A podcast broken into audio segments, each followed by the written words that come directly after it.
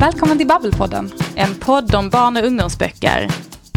Med två författare, Emma Andersson och Charlotte Cederlund.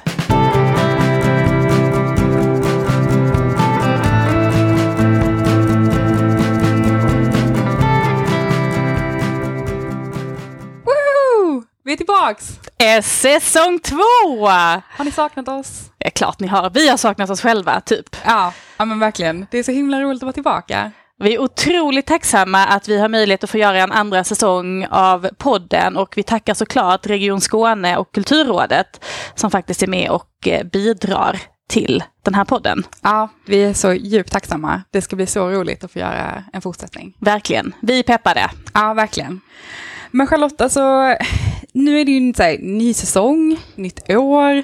Jag brukar i alla fall liksom efter ja, men, även om man kanske känner mer egentligen att året kanske börjar om på nytt, typ så här efter semester kanske, så, här, så är ju ändå nyår en, en tid när man tänker över sitt liv, tänker så här, vad ska jag göra nu, hur ska jag lägga upp året? Och jag, i och med att man är en skrivande person så kommer ju alltid den här frågan, hur ska livet bli i år när jag ska få ihop skrivet eh, med allting annat som händer? Eh, för det, är, i alla fall i min värld känns det som att det är alltid någonting som ligger i vägen för skrivandet. Eh, antingen så är det ens jobb eller så är det men privatlivet på olika sätt. Eh, det är ekonomin. Det är alltid någonting som lägger käpparna i hjulet, tycker jag. Eh, och jag vet, vi har ju pratat om det här jättemånga gånger, men jag, en anledning till att jag fortfarande skriver, det är för att jag tycker det är kul. Allting annat känns som att det är emot mig ibland, tycker jag. Eh, hur tänker du kring det? Ja, men det är ju inte det är ju inte lätt att göra plats för skrivandet i sitt liv. För som du säger, det, det beror på, det är så många saker. Eh, tar man sig tiden så har man kanske inte ekonomin för det. Och eh, jobbar man istället med någonting annat för att få en ekonomi, då har man inte tiden. Och sen så släng in liksom eh, ett hus eller barn eller vad det än må vara i den ekvationen, det är ju bara att inse att, att det är inte lätt att lösa. Jag känner jätteofta att mitt problem är att jag har, jag har så himla många bollar i luften. Mm. Att jag är författare, absolut, och skriver böcker. Men jag är också skolbesök för att försörja mig som författare och sen så har jag ett jobb som ingenjör. Och ja, bollarna är så många att jag håller på att tappa dem stup i kvarten. Mm. Så kan vi väl sammanfatta det. Jo men verkligen, jag har ju, jag har exakt samma problem. Att säga, när, jag, när jag hade ett jobb där jag hade mer skrivtid, då hade jag ju ångest över ekonomin. Och när jag har, nu har ett jobb där jag har en bra ekonomi, då har jag ångest över att jag har för lite tid. Det är alltid någonting liksom, som, eh, som eh, bråkar med skrivet. Liksom. Men ja, alltså, det här är verkligen någonting som jag liksom brottas med jättemycket. Eh, och jag tänker att det är någonting vi borde prata om. Jag håller med och eh, jag har faktiskt en av mina författarkollegor som, eh, som jag vet också har brottats väldigt mycket med det här.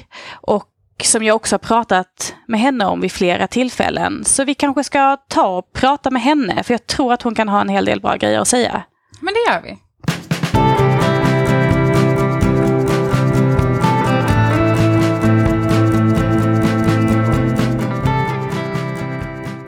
Hon har kallats för en skicklig stilist och beröms ofta för sitt vackra och poetiska språk.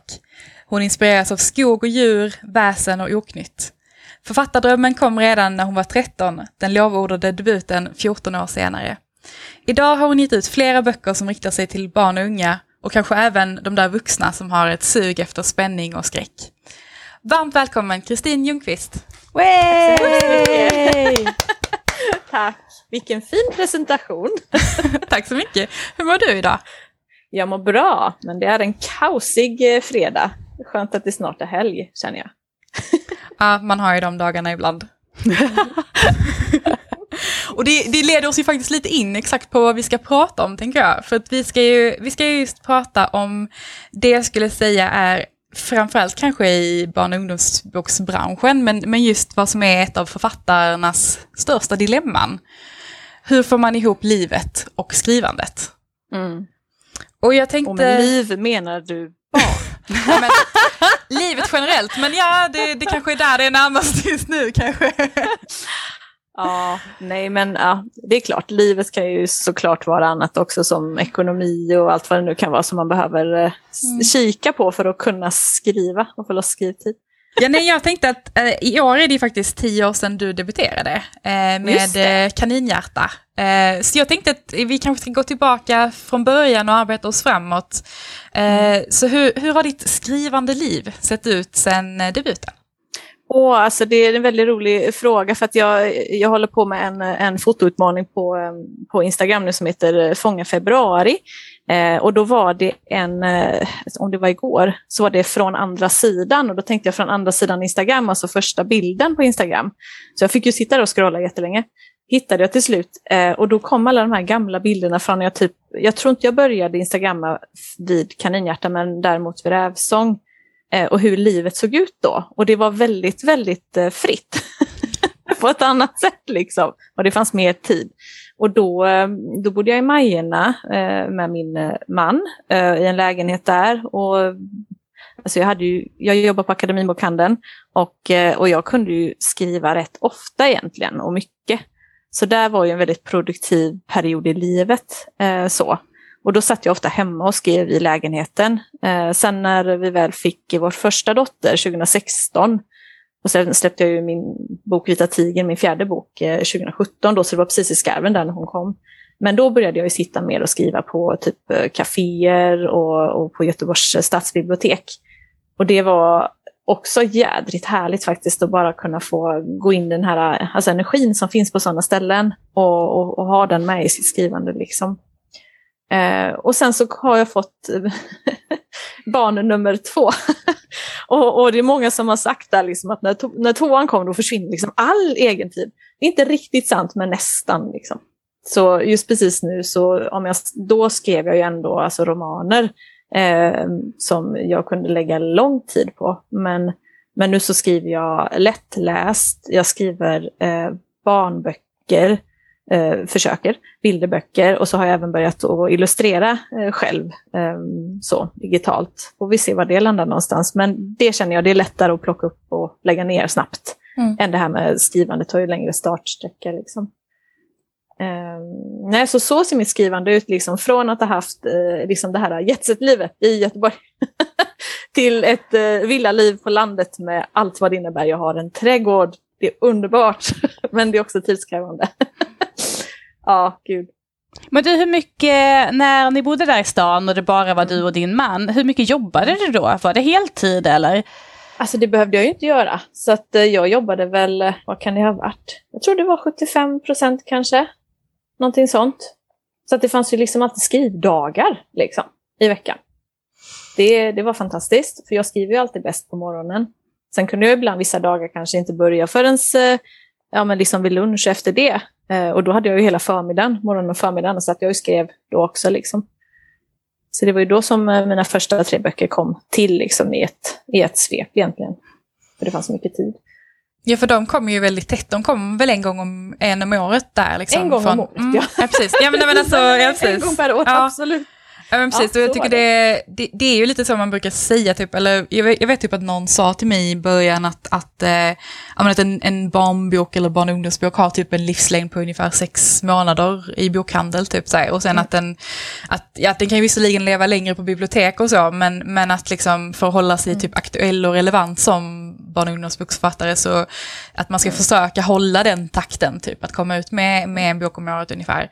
Och där, jag failade ju dramatiskt på det direkt, liksom, för att jag hade ju typ tre år mellan mina första böcker, eller två första böcker. Oh. Eh, så, eh, det insåg jag liksom oh. inte förrän lite längre in där liksom.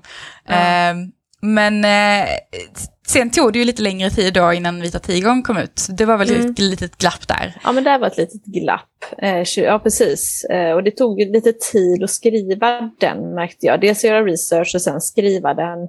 Jag trevade väl också lite grann kring vad jag skulle skriva. Typ om jag skulle fortsätta skriva om Hanna då, som egentligen är den röda tråden i mina tre första böcker. En karaktär.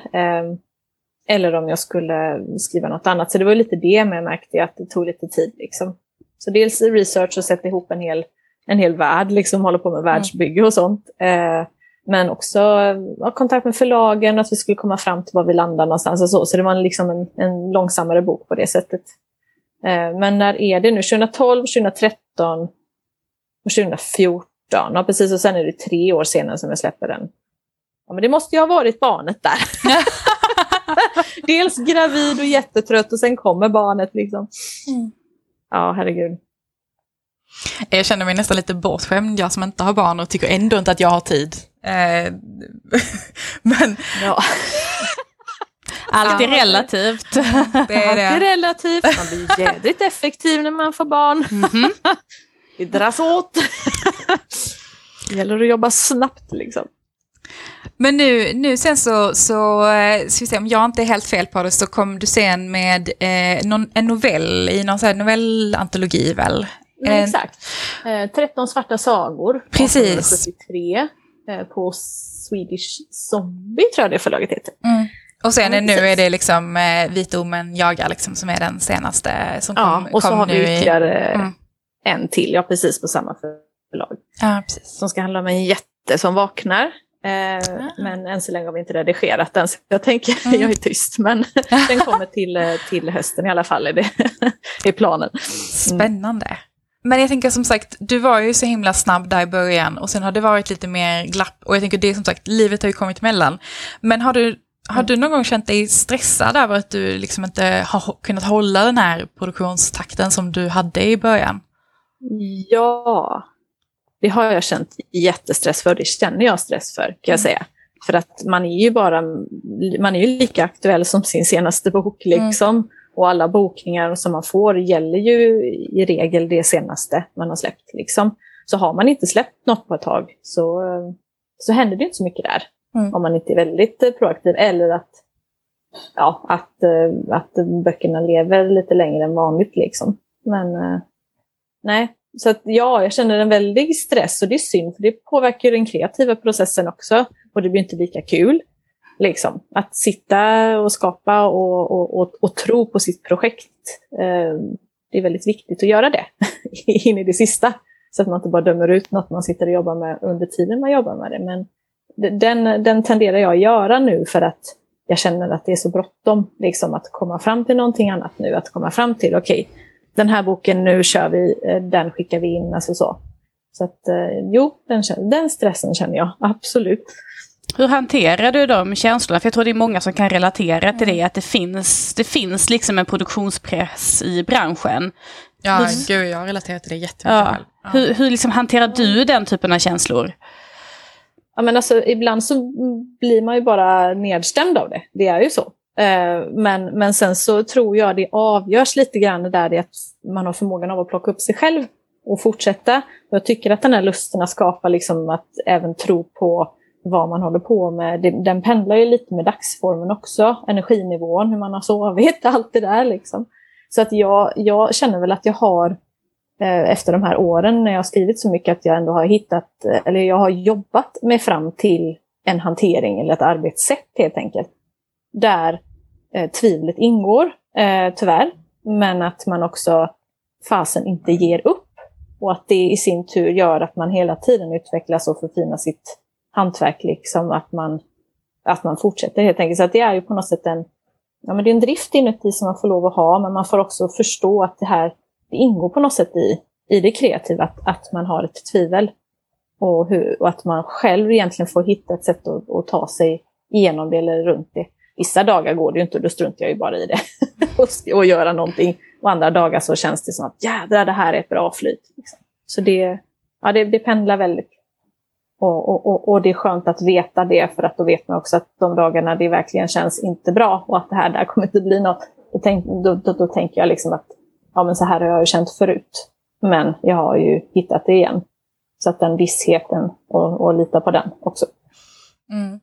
Men vad skulle du säga att, eh, för jag tänker ju ofta liksom, jag sa det till, till dig innan här när vi körde liksom ett litet intro, eh, att, eh, att just liksom vad är, vad är det som gör att man fortsätter att skriva? För det känns som att det är så mycket som är emot en, eh, liksom på något sätt. Eh, så hur, hur, hur orkar man kämpa vidare? Jag tycker det, det låter ju som att du ändå så här, har, har på något sätt kanske landat i någon slags strategi, men, men liksom, Mm. varför fortsätter man skriva? Den där drömmen hägrar ju lite grann där framme, tror jag. Alltså den, den är svår att på något sätt ge upp. För vilken tråkig vardag det hade blivit. Liksom, den sätter ju på något sätt lite rosenskimmer på allt. Att, att tänka, tänk om jag en dag skapar en bok som bla bla bla.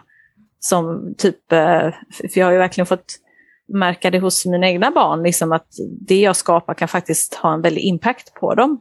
Tänk då om man lyckas skapa en sån bok som når alltså fler barn, fler läsare och som formar dem liksom på samma sätt som typ religionen Astrid Lindgren har gjort.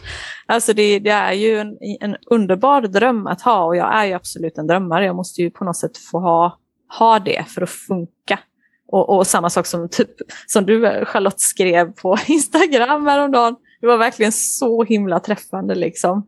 Ja, men att eh, man, jag blir så grinig om inte jag får lov att skriva så att det här har ju blivit ett behov. Det här är min kran, min eh, självterapi där jag får utlopp och, och skapa och, och, så vidare. Så att det är det som gör att jag orkar fortsätta för att jag på något sätt måste. Så att jag behöver ha min dröm och jag behöver ha min, mitt utlopp. Liksom. Så det är ett behov.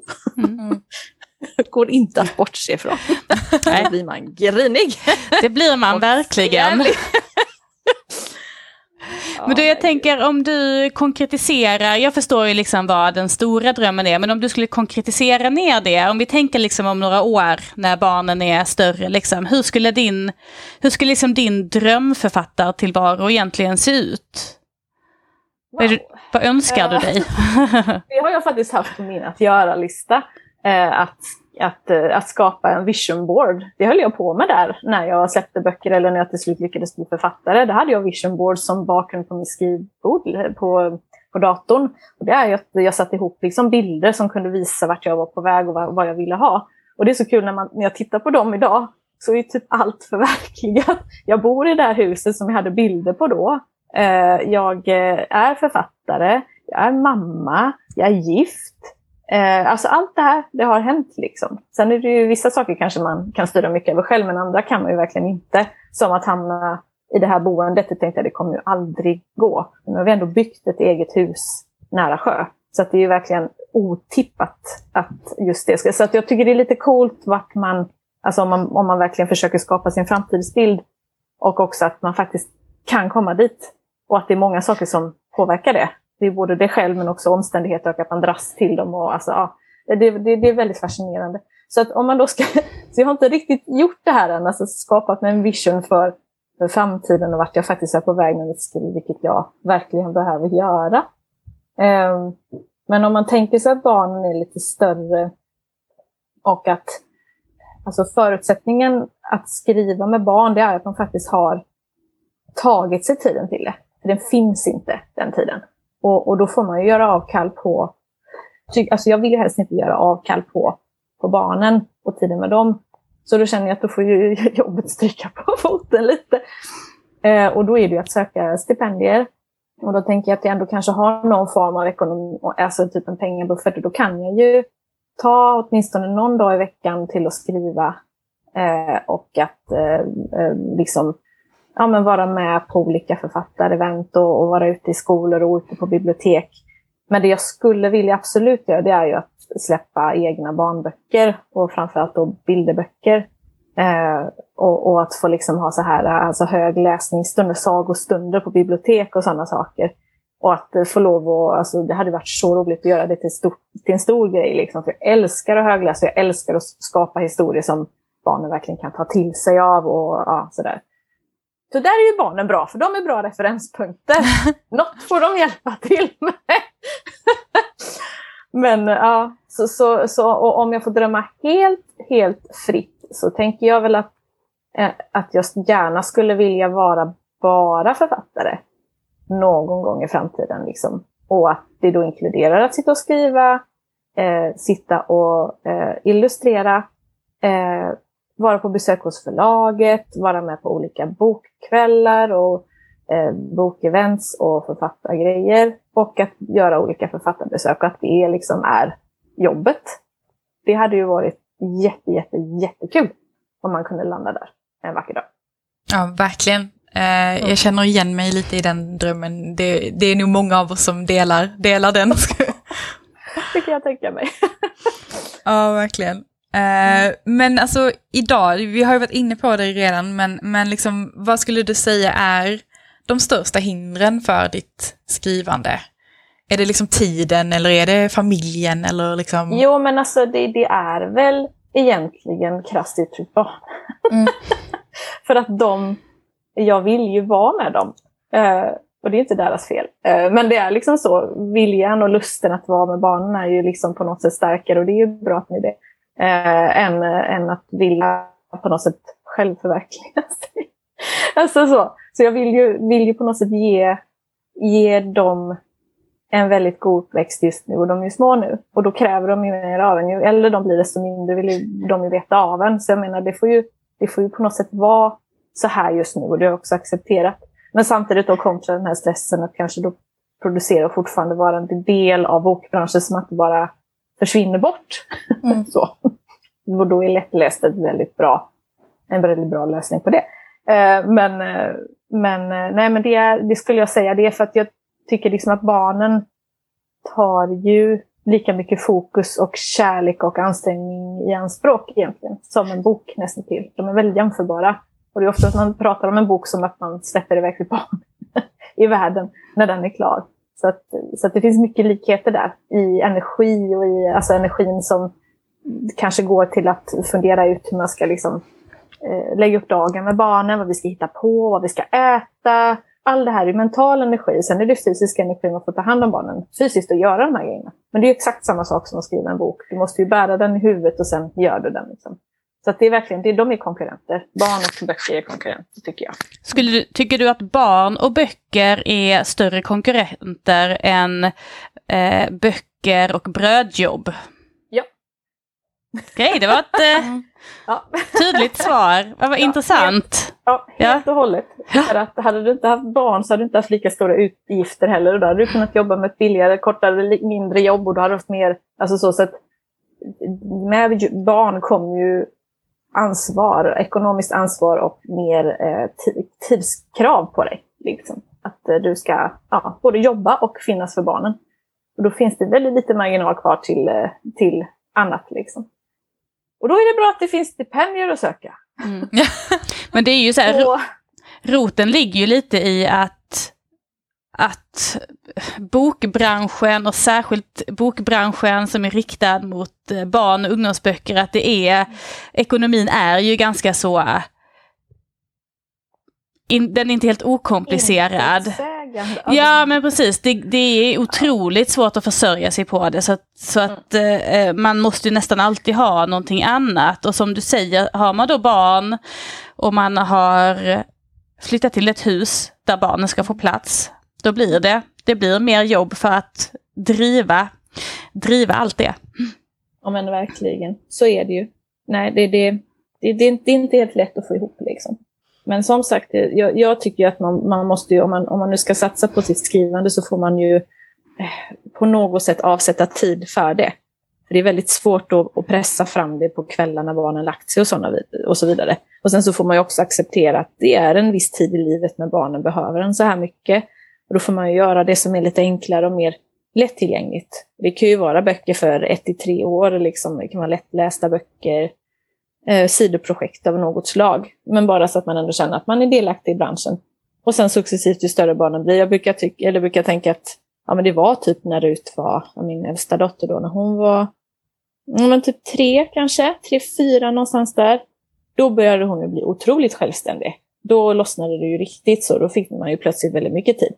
Och nu är ju våran yngsta ett år. Så det är ett par år kvar. Mm. när, man får, när jag får tänka att ja, men det är mindre projekt, kortare projekt som man får göra. Och de går att göra lite här och lite där. Eh, men också som sagt att skapa sig tid för sitt skrivande från både barn och jobb. Det är ju att försöka hitta någon form av ekonomisk eh, eh, ja, men liksom stöttning. Eh, så. Och då är det stipendier främst jag tänker på. Liksom. Eh, så som har varit min grej i alla fall. Att kunna lösa och få loss skrivdagar i veckan och, och så. Ja, men jag tänker också att, eller för mig, eh, jag, just ekonomin är verkligen min största ångest. Liksom, eller så. Det, det är verkligen det som har, har plågat mig mest i mitt skrivande liv. Eller så Men, men, och jag har ju också haft, eh, haft mycket problematiken just, eh, just i, i fallet med stipendier. Att så här, jag tycker det är svårt att att också söka stipendier för att de kräver ofta på något sätt också att man har haft någon slags produktivitet. Eller att de ska kunna Ja, följa att, att man liksom mm. har... Eh, och jag tycker det så, man hamnar liksom i något, i något konstigt limbo där tycker jag. För att säga, utan, utan pengar kan jag inte producera, men, men liksom, om, jag, om jag inte producerar så får jag inga pengar. Liksom. Eller så här, Ja, att, att, liksom, att man hamnar i det här liksom hela tiden, att, eh, att det blir en så himla svår grej tycker jag. Det är Ehm, jättesvårt och man kan ju verkligen inte tro eller lita på att man får stipendier. Liksom. Eh, nej, den är jättesvår. Och jag brukar, brukar nästan så här bittert skratta åt att eh, alltså författare är väl de sämst betalda i Sverige. Liksom. Alltså det är det sämsta jobbet man kan ha. Liksom. Och ändå ska det klassas som ett jobb, som en verksamhet, en inkomstdrivande verksamhet. Jag tycker liksom nästan man ska få slippa. Typ, jag tror det är på Irland som man slipper skatta när man är författare ooh. Wow! Ja, jag tror fan det är så. Vi flyttar till Jag Irland. skulle säga, det är dit vi ska jag. flytta alltså. Man slipper skatta om man, jag har för mig att det är både författare och alltså konstnärlig verksamhet Mm. just för att de vill promota det då. Liksom. Jag har för mig att det är så, ni får, vi får dubbelkolla, men det är ju, Mm. det, det är ju eh, något att fundera på.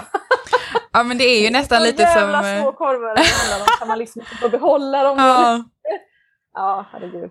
Jo men det är ju nästan eh, så här, jag vet typ när jag, när jag gav ut min, mina två första böcker så hade jag inte startat eh, eget företag än. Så då kom, ju, kom ju mina pengar in som så här, hobbyverksamhet tror jag det stod på, på deklarationen. Typ så här, att man fick in en sån liten sidsumma liksom. Och det, Ja. det är lite så känns det ju på något sätt fortfarande även om, liksom, eh, även om, man, om jag nu har företag och sådär. Men det, det är ju ja, det är nästan som att man får in på någon liten sidoverksamhet snarare än att det är ens jobb. Eller i alla fall för mig är det verkligen så fortfarande. Men här, här ska vi se. Eh, kulturarbetarnas inkomster på Irland ökar. När var detta? 2017. Typ för att stödja kulturskapande har det i flera decennier funnits ett skatteundantag som går ut på att den som skriver en pjäs kan få skattelättnad, men inte skådespelaren som framför den. Eh, så det är ju skribenten. När det här infördes flyttade även utländska författare Det var flera som tänkte samma sak. Men, precis. Men sen dess så har regelverket stramats åt. Oh, fuck. ja, det var för många som flyttade dit. Förmodligen. Ja, faktiskt. Ja, författarna slipper skatt från en artikel 2012. Så, så så var det, det var faktiskt sant. Men du Kristin, eh, en annan sak. I dessa Instagram-tider så tänker jag att, för det var en grej som jag tyckte var, eh, var utmanande, för jag gjorde precis som du när mitt andra barn kom. Jag hade lyckats vara ganska produktiv med ett barn och med andra barnet så bara, det var som att allt bara dog ut. Både eh, men energi och kreativitet, liksom. jag var 100% mamma. Och det var en, en ovanlig känsla liksom. Och jag hade ganska svårt Ja. att acceptera det, att det var så. Och det blev inte lättare när jag gick in på Instagram och alla andra mammor såg ut att vara så otroligt produktiva. Hur har du liksom hanterat ja, men de bitarna, jämförelsebiten? Alltså, som tur är så, så känner jag väl att just den biten inte är så jobbig. Eh, för att det, det har varit en, sån, en, en insikt som kommit med det senaste tiden, liksom att man är en så bra mamma som man bara kan vara, varje kvinna liksom. Så jag, jag vill inte, jag jämför mig inte just där. Det, det, den stressen som jag känner just när det gäller kreativitet och så, den är mer alltså typ för egen del främst. Men sen så var jag på, på ett litet eh, skolbibliotek i närheten här nu med min dotter här om sisten så bara låna lite böcker. Och skolbiblioteken är väldigt sådär ungdomsbok liksom. Och då fick jag lite så prestationsångest. Bara, Fan vad alla andra har producerat och vad mycket bra det finns. Vad fina grejer det finns. Bara, det är fan ingen idé att jag ger mig in här. Det finns inget kvar att göra liksom. Men sen kom jag över den känslan också. Men då var det verkligen så. Där fick jag en liten jämförelse att åh, det var jobbigt. Men, eh, men just Instagram har inte varit en sån eh, jobbig, jobbig ställe för mig än så länge. Eh, så, som tur är. Vad skönt. Men, ja, men det, jag förstår din känsla. Det, det, är inte, det är inte så kul. Men man får påminna sig om att det, som sagt, barnen är små en väldigt kort del i livet och sen ju större de blir desto mer kan man ju använda dem i sitt skrivande. som referenser och så. Är det här bra? Nej. Och särskilt när de blir så här liksom äldre, jag tänker typ skolålder och uppåt så, då kan man ju verkligen bara, hur pratar ni i skolan nu för tiden? Uttryck och slang liksom och, och nutida problem man kan möta liksom. Ja, Smart, låta dem betala tillbaka lite. de får betala tillbaka! för denna tid som mamma lägger på dem. ja, nej, men så tänker jag faktiskt att det kan bli ett gemensamt skapande liksom och att det kan bli väldigt roligt faktiskt för med, att ha de små med i det. Min, min äldsta dotter hon bröt i benet som säkert alla vet. Eh, och, och, att det varit väldigt jobbigt. Men, eh, men då så när vi skulle ta bort gipset så, eh, så märkte jag att eh, jag gjorde, tog fram ett bildstöd och, och målade liksom varje scen. Vad kommer hända nu? Vilka verktyg kommer kanske användas? Och så här kommer det vara efteråt. Eh, och jag märkte att vi tittade på dem typ två gånger, de bilderna, den här bildserien då. och sen så refererade hon till de bilderna under hela den dagen. Hon hade memorerat dem. Ja, mamma, nu är det precis som i din bild. Ja, men det har du rätt i. Så, och sen när vi kom hem tog vi ett bad. Och mamma, pappa och, och, och lilla syster ska också vara med, som på din bild. Ja, just det, jag går och hämtar dem. och så satt han där och badade och bara flöt runt liksom, fri från sitt gips. Och, ja, men det var häftigt att se vilken impact som, som konsten kan ha på, på barn. Alltså på hur viktig den är. Eh, och, och, även då att man kanske kan använda sina egna barn som, som bollplank liksom. Mm. Eh, och se vad som fastnar och inte. Så det, det, kan, det kan vi se som tillgångar framöver sen.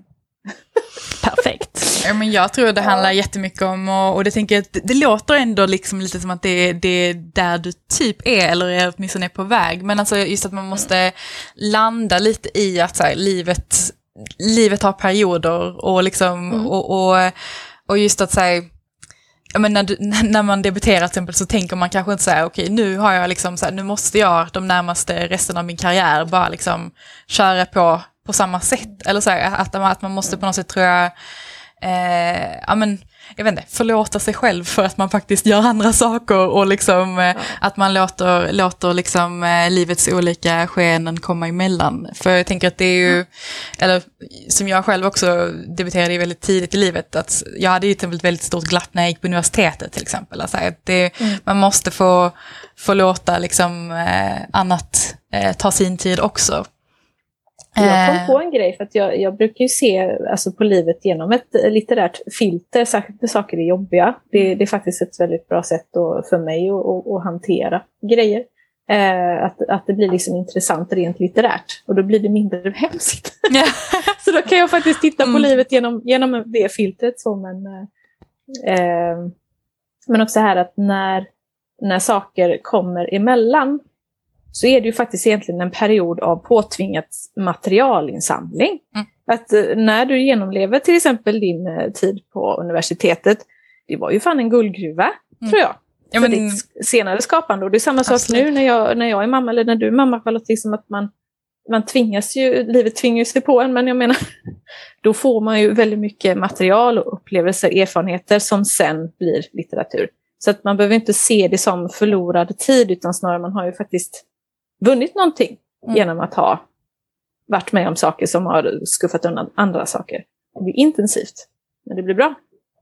För vi har våra, vi har våra glasögon på hela tiden. liksom. Så vi är ju hela tiden med och hela tiden ja, man snappar upp grejer. Liksom. Så mm, jag, tror, jag tror det blir bra i slutändan.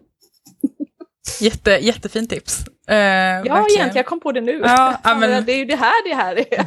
Visdomen i stunden, alltså ibland, ja, man ska inte underskatta den alltså. men om vi tar en avslutande fråga, svårt att säga kanske, men vad skulle du säga är ditt viktigaste tips? Jag tänker om det sitter någon och lyssnar här nu som, som desperat känner att så här, jag får inte ihop det, hur ska jag tänka? Vad skulle, du, vad skulle det vara ditt tips då för den som vill liksom synka ihop livet och skrivandet? Det beror på var man befinner sig. Eh, är man till exempel en skrivande förälder eh, så kan man kanske, som jag precis sa, se tiden an. Att barn tar ju typ samma tid och effort i anspråk som en bok. Att acceptera det, för det är inte lätt. Du kan inte pressa dig själv. Liksom. Du har ansvar och du har ekonomi som måste gå ihop och sådär. Så, så kan det faktiskt vara just då, när det här pågår.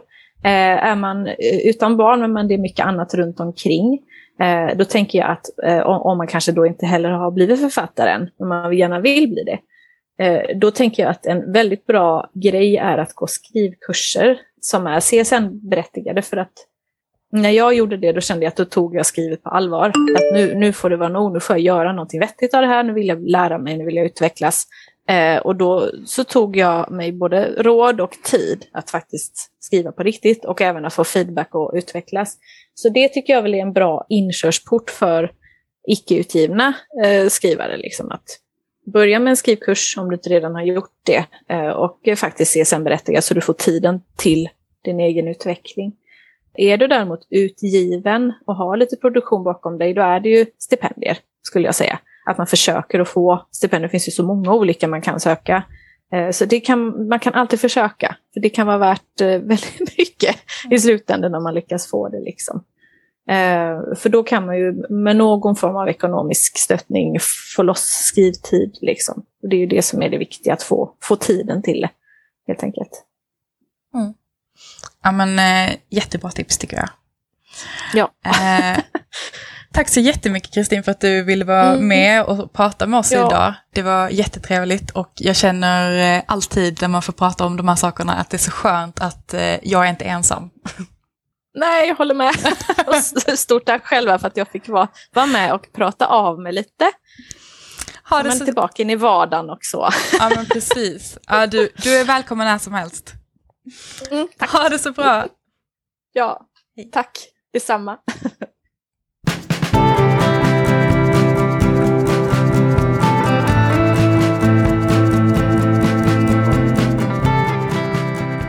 Vad skönt det var att prata om.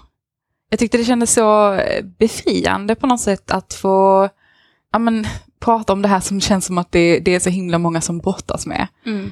Eh, och jag tyckte det var så fint att eh, Kristin eh, liksom, ja, men öppnade upp eh, om vad, som, vad har varit hindren i hennes liv. Liksom. Och, eh, för jag menar, vi har dem ju allihop. det är ju så himla få barn och ungdomsboksförfattare som kan leva på sitt författarskap. Så jag menar, vi brottas ju med de här frågorna, de flesta av oss skulle jag säga. Jag tror också det. Och sen så syns det ändå inte alltid utåt. För att det kan se så mm. glammigt ut och så lyckat. Men i grunden så sitter vi ändå med samma problem, de flesta av oss. Mm. Ja men precis, ja men det är ju verkligen som du säger, man ser ju den här Instagram-bilden liksom. Mm. Och det, då är det så lätt att föreställa sig att ja, men det är ingen annan än jag som har de här problemen liksom. Men jag tycker också det är jättesvårt för att när man sitter och skriver så är man ju, man är ju så ensam. Uh, man har ju kanske sina skrivvänner och sådär, men, och sitt förlag i sig, men, men uh, jag tänker hade man suttit på ett vanligt jobb och kände att man hade samma problematik, liksom, att här, jag får till exempel inte tiden att räcka till eller jag, uh, jag får inte ihop liksom, eh, mitt jobb på något sätt. Då har man en bra chef då så går man ju till sin chef. Mm, eh, och så hjälper ju ens chef en att strukturera upp kanske liksom det här ska du prioritera eller det här, så här ska du tänka. Men när man är liksom ensam i sitt eget företag till exempel eller liksom i sitt eget skrivande så är det svårt att kanske hitta en sån person eller ha en sån person som kan liksom man har ju liksom ingen chef att gå till. Liksom. Nej, man har ingen chef och man är ju samtidigt nästan ännu mer i beroende av stöd än man är på ett, på ett vanligt jobb. Eh, men jag gjorde faktiskt en grej förra året för första gången. Eh, och det var att jag testade att gå till en, en coach. Mm. Det har jag aldrig gjort förut, för jag tänkte att, ja, men, vad är det, en livscoach eller så, vad ska man ha en coach till? Men då hittade jag en coach som, där det verkligen handlade om att fokusera in på så här, vad vill jag göra med mitt yrkesliv och hur ska jag lyckas lyckas nå dit? Alltså vad är det jag behöver liksom? Mm. Eh, och det var otroligt bra. Alltså jag kunde inte ens i förväg riktigt förutse hur mycket det skulle ge att bara ha ett bollplank där någon hela tiden ställer de här svåra motfrågorna. Varför har du inte gjort det? Men om du gör så här, vad händer då? Jag undrar om vi inte ska Ska vi inte ta och ringa min coach och snacka lite med henne för att höra, hon har säkert flera författare som hon hjälper.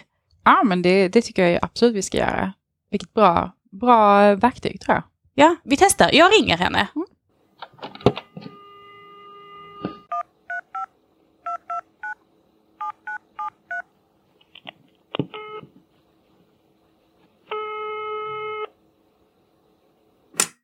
Ja, det är Maja. Hej Maja, det här var Charlotte på Babbelpodden. Hej! Hej, hur är det med dig? Jo men det är bra tack. Vad härligt. Du, vi har precis intervjuat eh, Kristin eh, Ljungqvist som är en otroligt duktig författare och som inledde sin författarkarriär för en tio år sedan och var ganska aktiv, gav ut ett par böcker Och sen har liksom livet lite kommit i vägen för skrivet kan man säga. Och eh, då tänkte jag ju på dig, för du är ju certifierad coach och du är en av grundarna till kvinnonätverket Friday Lab. Och du har bland annat coachat mig ju lite i sådana här frågor. Så jag tänkte om jag kanske kunde ställa några frågor till dig på det ämnet. Absolut, kör. Gud vad bra, tack snälla. Eh, du som pratar med många, många människor när du coachar och kanske mycket kvinnor. Är det vanligt att man prioriterar bort det som man kanske egentligen allra helst vill göra? Alltså det är en av de frågor jag möter allra mest. Man har en känsla av att man skulle vilja ge mer tid för någonting specifikt. Det är någonting som man vet hur man gör, det är någonting som är väldigt tillgängligt, men ändå så skapar man inte tiden för det. Och livet rullar på, vardagen rullar på och ja, man blir missnöjd. Varför tror du det är så egentligen att vi, att vi inte skapar tiden för det vi vill göra? Jag tror att största problemet är att ja, men vi är vana att sätta andra först. Vi är vana att sätta jobbet först, vi är vana att sätta familjen först, vi kanske sätter syskon, föräldrar, kompisar, vår partner. Vi gillar att, att sätta andra före och särskilt när det kommer till sådana här eh, ämnen som ligger ens eh, själv nära hjärtat så, så blir det liksom svårt att hitta tiden fast det är lättillgängligt. Och ju längre tiden går, om man inte gör någonting, desto högre blir ju ribban att sätta igång. Så det är väl det första, att bli tydlig med vad man vill göra. Att bara sätta ord på det. Ja, just det. Verkligen bestämma. Och hur sätter man ord, alltså vad brukar du tipsa? Hur, hur tydliggör man att det här är någonting som är viktigt för en? Ja, men om man tänker då med skrivande till exempel, att om man känner att jag, men jag skulle vilja skriva mera, jag skulle kanske vilja skriva ett manus, vill skriva, ut en bok, att, att fundera på men vad är det då konkret som är målet? Är det att jag skriver vad som helst? Eller är det det här specifika manuset jag vill skriva fram? Och att man gör det tydligt exakt vad det är. Ja, just det. Ja, men det är himla bra. Just så det inte bara är en dröm i huvudet.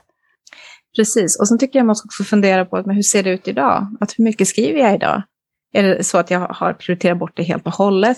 Eller är det faktiskt så att jag får till en del skrivande med det att jag inte uppskattar det som skrivande? För det är ju bara att skriva dagbok till exempel, eller det är bara att ja, skriva ner reflektioner på kvällen. Att kanske värdera upp det man redan gör, så man får ett, ett önskat läge och ett nuläge. Och sen försöka formulera att men vad är det konkret jag skulle vilja få till då för vana? För är det så att jag vill skriva ett manus hur mycket tid behöver jag då avsätta för det? Vad är det som ska ske varje dag? Eller ska jag ha en skrivdag i veckan eller i månaden? Vad är realistiskt för mig just nu? Just det. Och tycker du att det finns något värde i att man, att när man tittar på sådana här frågor, att man faktiskt skriver ner dem istället för att bara tänka dem i huvudet? Absolut. Alltid skriva ner det. Men så är det verkligen. För vi går och snurrar på så mycket tankar och så länge det bara är i huvudet och vi inte tänker färdigt dem så ligger de kvar där och gnager. Att, att verkligen skriva ner eh, dels vad man vill och vad man redan har gjort. Jag tänker det här exemplet du gav att man kanske redan har skrivit stora skrivprojekt. Att verkligen titta tillbaka på, men hur gjorde jag då? Vad var det som gjorde att jag lyckades då? Var det det att jag hade någon annan som höll mig ansvarig? Eller var det det att jag hittade en idé som jag var otroligt eh, engagerad i? Vad var liksom nyckeln då? Så försöka se att, men hur skulle det kunna hjälpa mig idag? Mm, just det. Jag får ju också ibland en känsla av att, att ibland när jag säger att jag inte har tid att göra något jag vill så är det egentligen inte sant. Utan det är bara det att jag lägger tid på andra saker. För tiden finns där. Men jag ser inte till att den hamnar på rätt ställe. Är det, är det fler som, som har det så, tror du? Ja, men alla har det så. Precis alla har det så, fast för olika saker. Och eh, det är ju det att, att man behöver prioritera upp det som man vill göra. Och det kan man ju göra på olika sätt. Ett sätt är att formulera det, jag vill skriva mera. Eh, och sen sluta tänka på att man ska göra någonting och börja göra istället. Att göra den förflyttningen från tanke till handling. Och att man gör det hela tiden så att man hålls påmind om att, att det här är någonting som jag vill prioritera. Och då kan det betyda, helt i praktiken kan det betyda det att jag vill skriva varje dag. Då kanske jag behöver låta middagsdisken stå tills efter jag har skrivit. Alltså jag prioriterar upp skrivandet framför andra saker. Och att man gör det varje dag så, så bevisar man åt sig själv att det här är viktigt. Och det, det, är överraskande svårt att gå från tanke till handling. Vi vill gärna stanna kvar i, i tanken, vi vill vänta på motivationen, vi vill ja men det ska kännas rätt, jag ska ha den bästa idén. Men det vet ju alla som skriver, har jag förstått, att, att det, det är inte så det funkar. Utan istället, tänka att, istället för att tänka en vana, så tänka att en identitet, att jag är en skrivande människa. Hur fungerar en skrivande människa? Ja, men en skrivande människa skriver. Så det är det viktiga. Sen hur mycket jag skriver eller hur ofta jag skriver, det är så fokus på den här aktiviteten. Det spelar inte så stor roll vad det är för någonting. Ja, just det. Och du som är coach, och jag vet att du har jobbat som coach i flera år. Hur, när du, när du liksom är inne och coachar någon, hur stöttar du upp om det är en person som, som vill skriva men inte får till skrivet? Vad är liksom din, ditt jobb som coach att försöka stötta den här personen? Men jag försöker hjälpa den personen att, att formulera varför det här är viktigt. Alltså verkligen inte hitta motivation till skrivandet, men hitta motivationen till varför det här ska prioriteras upp. Och sen att skapa en struktur som är hållbar på sikt. För det är ju lätt så med allting vi vill sätta igång, oavsett det är skrivandet eller träning eller något annat, eh, att man vill gå all in. Och sen när man misslyckas så är det som kört, för då har jag gett en chans och det blev ingenting. Men det vet ju alla som gör någonting på liksom år efter år, att man måste ju bara liksom resa sig upp och börja igen. Och då är det jätteviktigt att man, att man sätter realistiska mål inledningsvis. Så det kan vara till exempel när man är en metod som heter Don't Break the Chain-metoden som faktiskt handlar om specifikt skrivande. För det var, det var Jerry Seinfeld som använde det här för att skriva komedi. Och eh, han hade ju liksom en, en stor lapp på väggen där han kruxade för varje dag som han skrev. Och jag vet inte om han hade någon tidsbestämmelse att det skulle vara ett skämt om dagen eller var det 20 minuter om dagen. Men oavsett så, man får sätta ett kryss för varje dag man har skrivit. Och då ju längre den här kedjan blir, desto större blir motståndet att bara släppa en dag och låta det gå. Men då är just nyckeln att varje gång man kommer upp till en, ja, saker händer, man kanske blir sjuk eller något annat händer, att man sen vet att okej, okay, dagen efter så måste jag börja en ny kedja. Så det är en sån metod som, som jag brukar uppmuntra mina klienter att, att testa för att komma igång, för att sätta vanan helt enkelt. Just det. Men du, det låter jättebra. Eh, vilka bra svar du har. Det märks att du är bra på det här med coaching. tack. Tack så jättemycket för att jag fick ringa till dig och ställa de här frågorna. Det var jättesnällt, verkligen. Glad att kunna hjälpa. Ha det fint. Hej. hej, hej. Hej då. Nu blir det boktips! Emma? Ja? Du, det är dags för årets första boktips. Hur peppad är du? Jätte, jätte, jätte, jättepeppad. Vi har eh, ju kikat på vårens utgivning. Oh, så mycket bra! Eller hur? Och, eh, och förmånen när man eh, har det så här är att vi kan bara plocka det vi tycker verkar kul. Alla godbitar helt enkelt. Jag vet, och jag tyckte att det var många godbitar ja, verkligen. i vårens utgivning. Det känns eh, otroligt spännande. Eh, många av de titlar som vi har valt att vi ska läsa. Verkligen. Jag ser fram emot det jättemycket. Vissa har vi, vissa har vi fått och vissa har vi inte fått än. Så det, det är lite som så här, julafton och vänta på bokpaket och sådär. Mm, det är jättekul. Men Charlotte, vad, vad har du valt att börja läsa till det här första bokpratet på säsongen? Alltså det var jättesvårt att välja bok, måste jag säga. För det var många böcker som jag var sugen på.